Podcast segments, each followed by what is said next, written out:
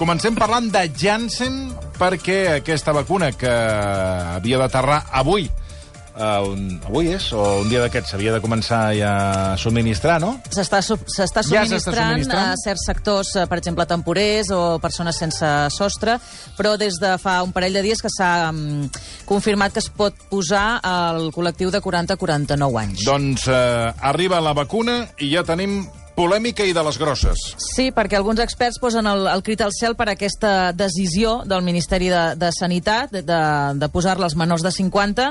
Un d'ells és l'infectòleg de, de Can Ruti, Oriol Mitjà, des d'ahir que alerta que Janssen té el mateix risc de trombos que AstraZeneca i que en la situació actual, que hi ha molta menys mortalitat, i havent-hi doncs, vacunes alternatives, no s'hauria de posar Janssen a la franja de 40-49. Són declaracions aquest matí al planta baixa de TV3.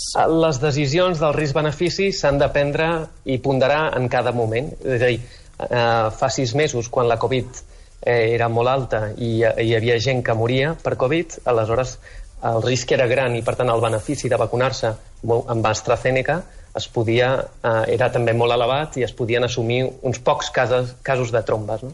Ara estem en una altra situació en la qual eh, està morint molt poqueta gent i en concret en la franja d'edat de 40 a 49, que és on ho han prescrit, no ha mort ningú i en canvi sí que hi ha algun cas de tromba. Per tant, amb un risc inferior, el benefici ja no és tan clar i sobretot quan tens alternatives, és a dir, si tens alternatives de Pfizer Moderna, eh, en un context de poca incidència s'hauria d'evitar la vacunació amb Janssen. Clar, unes reflexions que Mitjà també ha fet a, a Twitter i ha rebut, entre les moltes eh, respostes i rèpliques, la del catedràtic d'Epidemiologia de la Universitat d'Oxford, Daniel Prieto Alhambra.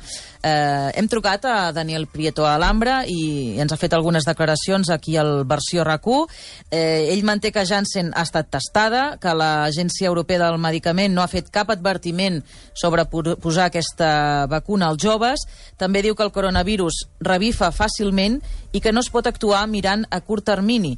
I ha posat l'exemple del que està passant ara al Regne Unit. amb la incidència de malaltia de Covid que hi ha a Catalunya i a altres parts del món, com el Regne Unit, eh, és temptador pensar que, que el risc-benefici de les vacunes eh, es pot reavaluar, eh, però en la meva opinió hem de tindre molt en compte que el, la incidència de, de Covid és eh, molt canviant en el temps i podem mirar eh, les dades, per exemple, del Regne Unit, on ara mateix, tot i tenir un percentatge de vacunació molt més alt que Catalunya, eh, estem veient l'inici d'una nova onada amb una R1.3, 1.4 i un increment ja en el, en el nombre de casos eh, de, ingressats a l'hospital.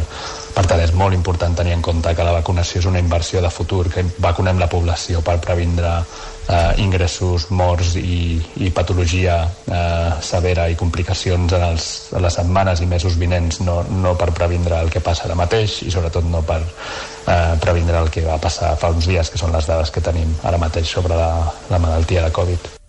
Uh, un argument a favor, l'altre en contra. Oriol Mitjà ha continuat uh, defensant que quan es va autoritzar AstraZeneca, malgrat el risc de casos de trombos, estava morint molta gent i, per tant, els beneficis superaven els riscos. Però que ara Janssen és a l'inversa. Abans estava bé eh, AstraZeneca perquè el risc era elevat. La segona dosi d'AstraZeneca és molt segura perquè una persona que no ha tingut efectes adversos amb la primera no en tindrà amb la segona, però no s'haurien d'administrar noves dosis ni d'AstraZeneca ni de Janssen perquè en la situació actual el risc eh, és més elevat que el benefici. Resposta de Daniel Prieto Alhambra. Quan s'avalua el risc i benefici de, de les vacunes eh, es fa en base al risc de complicacions per Covid que es preveu, prevenen eh, o, que es, o que es minimitza amb la vacunació eh, però no es té en compte una, una part molt important que és eh, la malaltia Covid persistent i les complicacions que es veuen en gent potser més jove que té una malaltia menys severa però que tot i així tenen una, un impacte sobre la seva qualitat de vida bastant important. Desgraciadament, eh, la Covid persistent no és un, una variable que s'hagi mirat en els assajos clínics de les vacunes i, per tant, només podem especular sobre quan podem reduir el risc d'aquesta malaltia i d'aquestes complicacions en gent vacunada. I per tant ara eh, que la, novament doncs, la, la polèmica doncs, plana sobre una altra vacuna, primer va ser AstraZeneca, ara amb Janssen, i clar, Prieto Alhambra alerta sobre mm, missatges com el de mitjà en la població que encara s'ha de vacunar.